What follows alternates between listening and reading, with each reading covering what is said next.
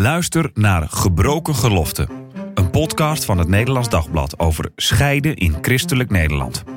In deze podcastserie gaat journalist Daniel Gillissen vanuit zijn eigen ervaring in gesprek met experts en ervaringsdeskundigen, zodat jij begrijpt wat scheiden betekent en om scheiden onder christenen beter bespreekbaar te maken. Luister naar Gebroken Geloften in je favoriete podcast-app.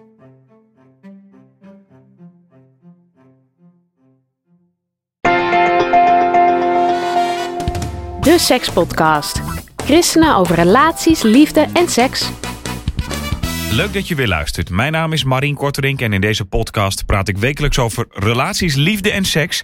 En deze week doe ik dat met seksuoloog, psycholoog en relatietherapeut Phoenix de La Fosse. Fijn dat je er weer bent, Phoenix. Dankjewel. Ja, jij wil het hebben over het maagdenvlies deze keer. Jij krijgt iemand bij je die daar een vraag over heeft, hè? Ja. Uh, er kwam een stel bij mij en uh, die waren pas getrouwd. Die zaten nog in hun witte broodsweken. Dus een paar weken getrouwd. En uh, wat was nou het geval? Ze hadden al die weken ruzie gehad. en de spanning was om te snijden. En ze gaven aan, we hebben voor ons huwelijk echt heel erg ons best gedaan om geen seks met elkaar te hebben. We hebben daar alles voor in acht genomen. Het was lastig zat. Maar het is ons gelukt. En we hebben een hele fijne huwelijksdag en een hele fijne huwelijksnacht. Maar wat is nou het, uh, het verhaal? S ochtends was er geen bloed tussen de lakens. En uh, hij had zoiets van: Ik ben dus niet de eerste, want je bent al ontmaagd. En uh, hij is daar dus heel erg boos over geworden. En zij zegt: Nee, je bent wel de eerste, er is echt niks gebeurd. en hij gelooft haar niet. Dus, dus de spanning is er en ze krijgen het niet weg. En iedere keer als ze erover beginnen, dan wordt het weer een ruzie. Dus ze, ze zoeken hulp. En wie komt er bij jou of komen ze samen? Ze komen samen. Uh, voordat we echt, echt over dat vlies het gaan hebben, nog eventjes dat, dat verhaal van een maagd blijven. Uh, maagden, zeg maar in de geschiedenis heb je natuurlijk, gaat het er ook vaak over. Ja. Uh, het is dus wel iets bijzonders. Het is iets bijzonders. en door de eeuwen heen is het bijzonder. in Rome had je ook de Vestaalse maagden. de Inca's hadden ook maagden. En dat waren echt ja, speciale jonge mensen. Uh, die natuurlijk ook ouder werden. En uh, die speciale taken hadden. En uh, ze waren bijvoorbeeld profetes of het waren zuivere kanalen, zou je kunnen zeggen. Dus ja. het, het um, gaat het over zuiverheid? Maagdelijkheid, maagd zijn, dat gaat ook over zuiverheid. En dus ook zuiver zijn voor het huwelijk. Ja. en blijven voor, voor het huwelijk, of tot het huwelijk. Krijg jij daar vaak vragen over? Over, over een maagd zijn ook en inderdaad geen seks voor het huwelijk. Ja, ja regelmatig. Of je hoort er tussen de verhalen door hoe mensen daarmee worstelen. Uh, wat mensen er allemaal voor doen om, uh, om niet in de verleiding te komen. En uh, allerlei dingen bedenken zodat er geen seks is. waarbij ik dan ook altijd vraag: ja, wat verstaan jullie onder seks? Want als seksuoloog heb je toch een andere definitie doorgaans uh, merk ik dan dat uh, mensen hebben. Want seks, dat is dan penetratie, seks. En dan vooral uh, penis in vagina penetratie. Dat is seks. Terwijl, ja, als seksoloog is, is elke handeling en elk gedrag die leidt tot seksueel opwindende gevoelens en de daarbij horende lichamelijke reacties mondvol. seks. Ja, dus, dus, dus ook dat, zeggen, dat, ja. dat, dat spannende vrije of spannende zoenen waarbij je opgewonden wordt, valt onder de categorie seks. Ja, als je het zo beschouwt, zou jij misschien zeggen van dat die mensen bij wijze van spreken een meer rijk seksueel leven hebben dan mensen die heel sec alleen penetratie doen, bij Ja. wijze van spreken. Ja, ja. Dus maar net welke definitie je pakt dan natuurlijk. Ehm, dan over dat maagdenvlies, daar komen deze mensen voor binnen. Ik, speelt dat nog veel trouwens? Dat, dat mensen dus inderdaad met, met dat soort thematiek komen. Ik dacht meer van, we zitten tegenwoordig wat meer in een seculier Nederland. ja. Dus gevoelsmatig heb je dan minder dat soort vragen. Maar het speelt dus nog steeds wel. Het, speelt, uh, het speelt nog steeds wel. Ja, toch wel. Ehm, Wat doe je wel en wat doe je niet? Uh, en ook een uh, maagden zijn doorgaans wat, wat, wat bleu of wat naïef. En dat is toch een bepaald beeld wat soms ook hangt om, om vrouwen heen. Van wat moet je vooral zijn? Nou, dat, dat, dat breekt ze dan wel op als een seksuele relatie aangaan. Want als je bleu moet zijn en blijven, dan overkomt het je meer dan dat je er nou zelf ook echt zelf ideeën over hebt en sturing aan gaat geven. Ja. Dan deze casus, dat gaat dus over het maagdenvlies. Ja. Uh, jij bent seksuoloog.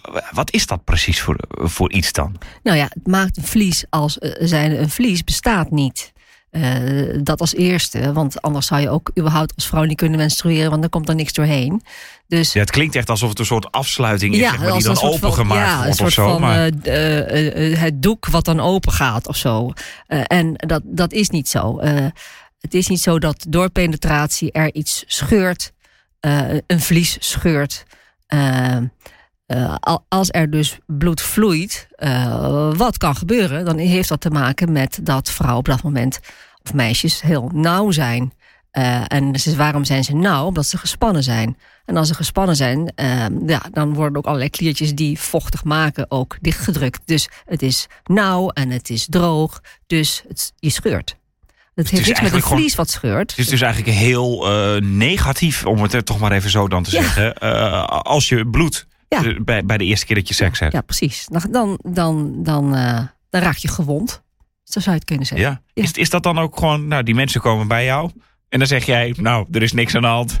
Want eh, ja, er, er is niet... Dan hebben jullie blijkbaar juist een leuke avond gehad en is het goed ja, precies, Precies, ja. want zij heeft dus niet gebloed. Nou, eh, prima, want ze, ze gaf ook aan... het was een hele fijne uh, huwelijksnacht.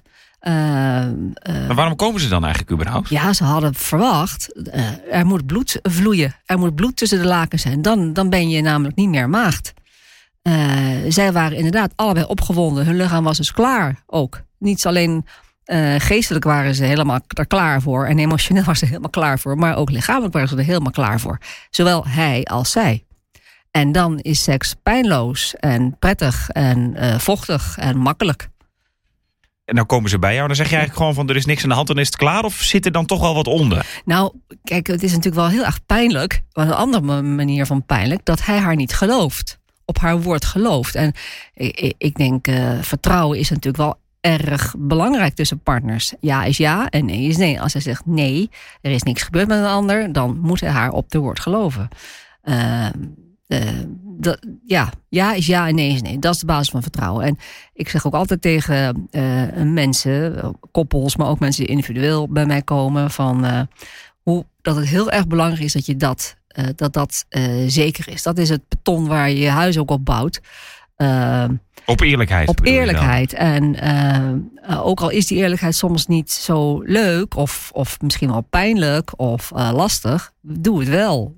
Ik geef vaak het voorbeeld van, uh, van soep. Als de ene partner voor de ander soep maakt, hij maakt lekkere soep, denkt hij, en dan geeft het aan haar en hij vraagt: Vind je het lekker? En zij denkt: Jeetje, dit is bremzout, dit, of het is helemaal niet fijn.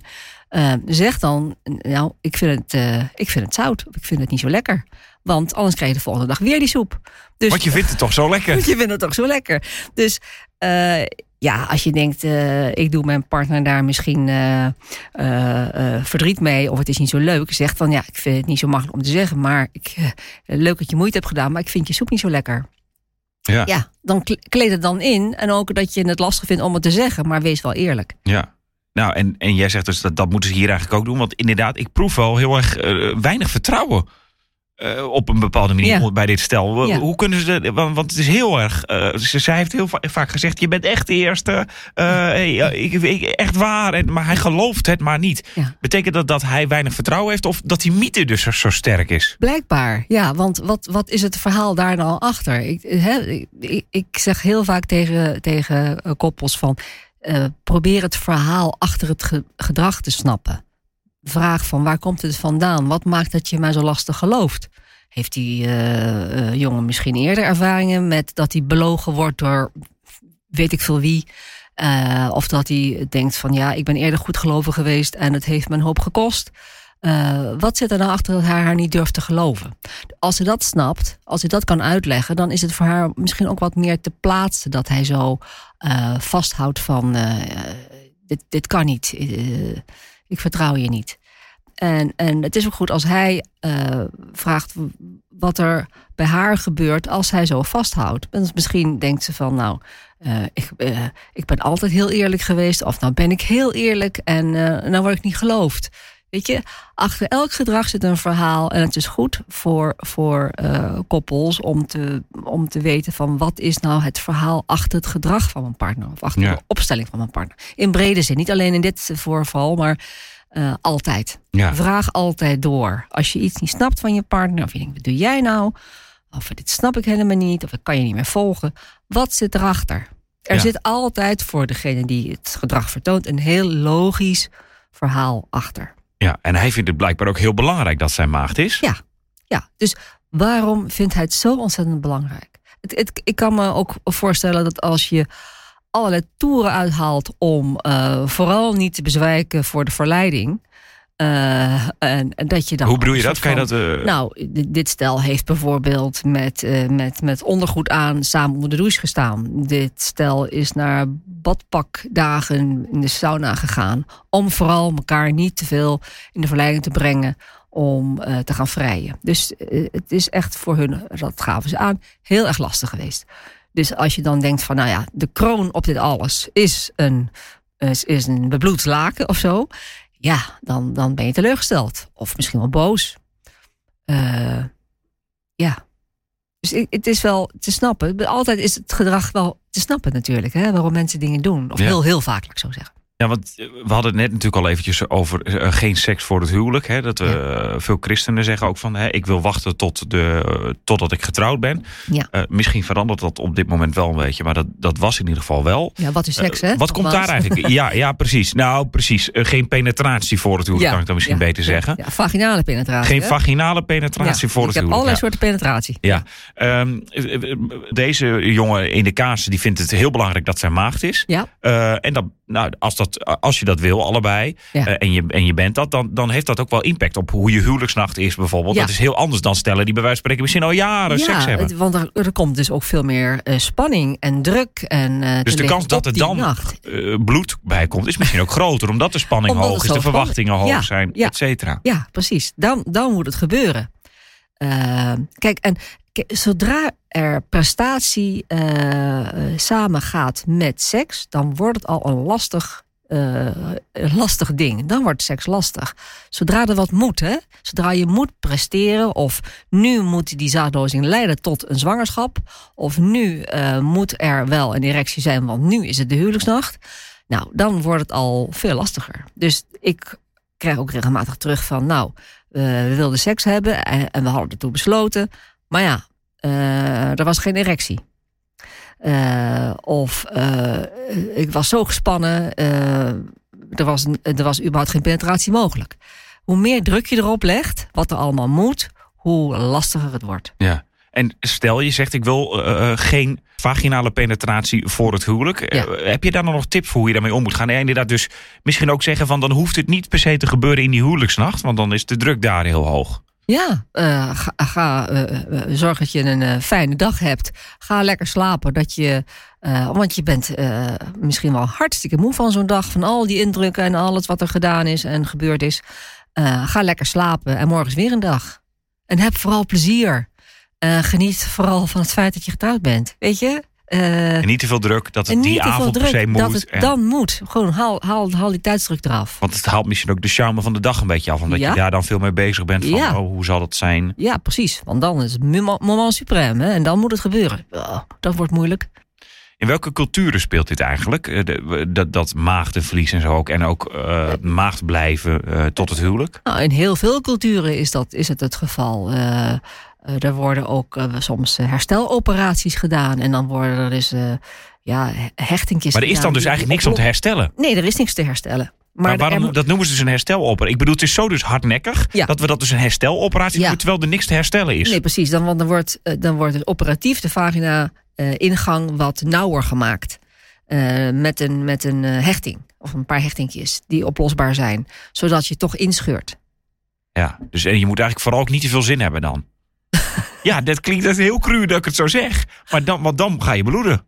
Ja, als je, als en als je, dat zo belangrijk als je is. gespannen bent, dan, eh, dan, dan vernauw je. Kijk, eh, als je gespannen bent als mens, eh, misschien dan, dan Verkramp je ook een beetje. Dan verkramp je, dan, dan trek je je schouders op. Nou, dan trek je dus ook je bekkenbodem aan.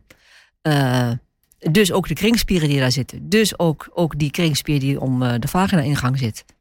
Waarom, ik, ik vraag me dan altijd af hoe het komt dat het zo lang dat dat in stand blijft dan. Eh, ja. Ja, waarom blijft het in stand? Eh, eh, Want ik neem aan dat heel veel seksuologen dus altijd, mensen die met dit soort casussen komen, zeggen van, maar dit bestaat helemaal niet. nee, Het bestaat niet. Nee. Uh, er, er is. Maar worden jullie dan niet geloofd, bedoel ik zeg maar meer? Dat, dat er dus toch nog heel belangrijk. Nou, zelfs als je het volgens mij uh, googelt, dan staan er nog wel dingen in die niet kloppen. Die gewoon medisch niet kloppen. Het is, het is gewoon een, een, een onregelmatig gevormd randje huid. Zelfde huid als in de vagina zelf. Uh, um, die daar zit. Dat, dat, dat heet het, het, het hymen, het, het, het, uh, het maagdenvlies. Dat is het. Maar er is dus geen, geen, geen uh, gordijn wat daar zit. Wat gescheurd moet worden. Of een soort van vitrage, dunne vitrage die je moet scheuren. Dat bestaat niet. Nou, dan hebben we dat bij deze in ieder geval goed benoemd. Even terug nog naar die casus. Ja. Uh, dat stel moet vooral denk ik aan vertrouwen werken. Ja, precies. En, en, en snappen waarom dingen zo belangrijk zijn. Doorvragen. Um, um, en ook kijken van, joh, als, als mijn gedrag dit bij je oplevert, wat, wat is het dan dat je zo van slag raakt? Want hij raakt van slag in zijn boosheid, zij raakt van slag in haar tranen. Wat zit daar nou achter? dus dat ze goed naar elkaar moeten luisteren en moeten doorvragen en, en nieuwsgierig moeten zijn. Is het goed gekomen? Is hij jou uiteindelijk gaan geloven toen jij zei van ja, het? Ja, het is goed gekomen. Gelukkig. Dankjewel Phoenix voor deze week. En de column van Phoenix zet ik in de beschrijving van deze podcastaflevering. Heb je ook een vraag over relaties, liefde of seks waar je graag een antwoord op wil? Mail je vraag dan naar podcast.nd.nl. Of als je wil dat alleen Phoenix de uh, vraag onder ogen krijgt, dan kan je hem uh, ook mailen naar phoenix.nd.nl. Tot volgende week.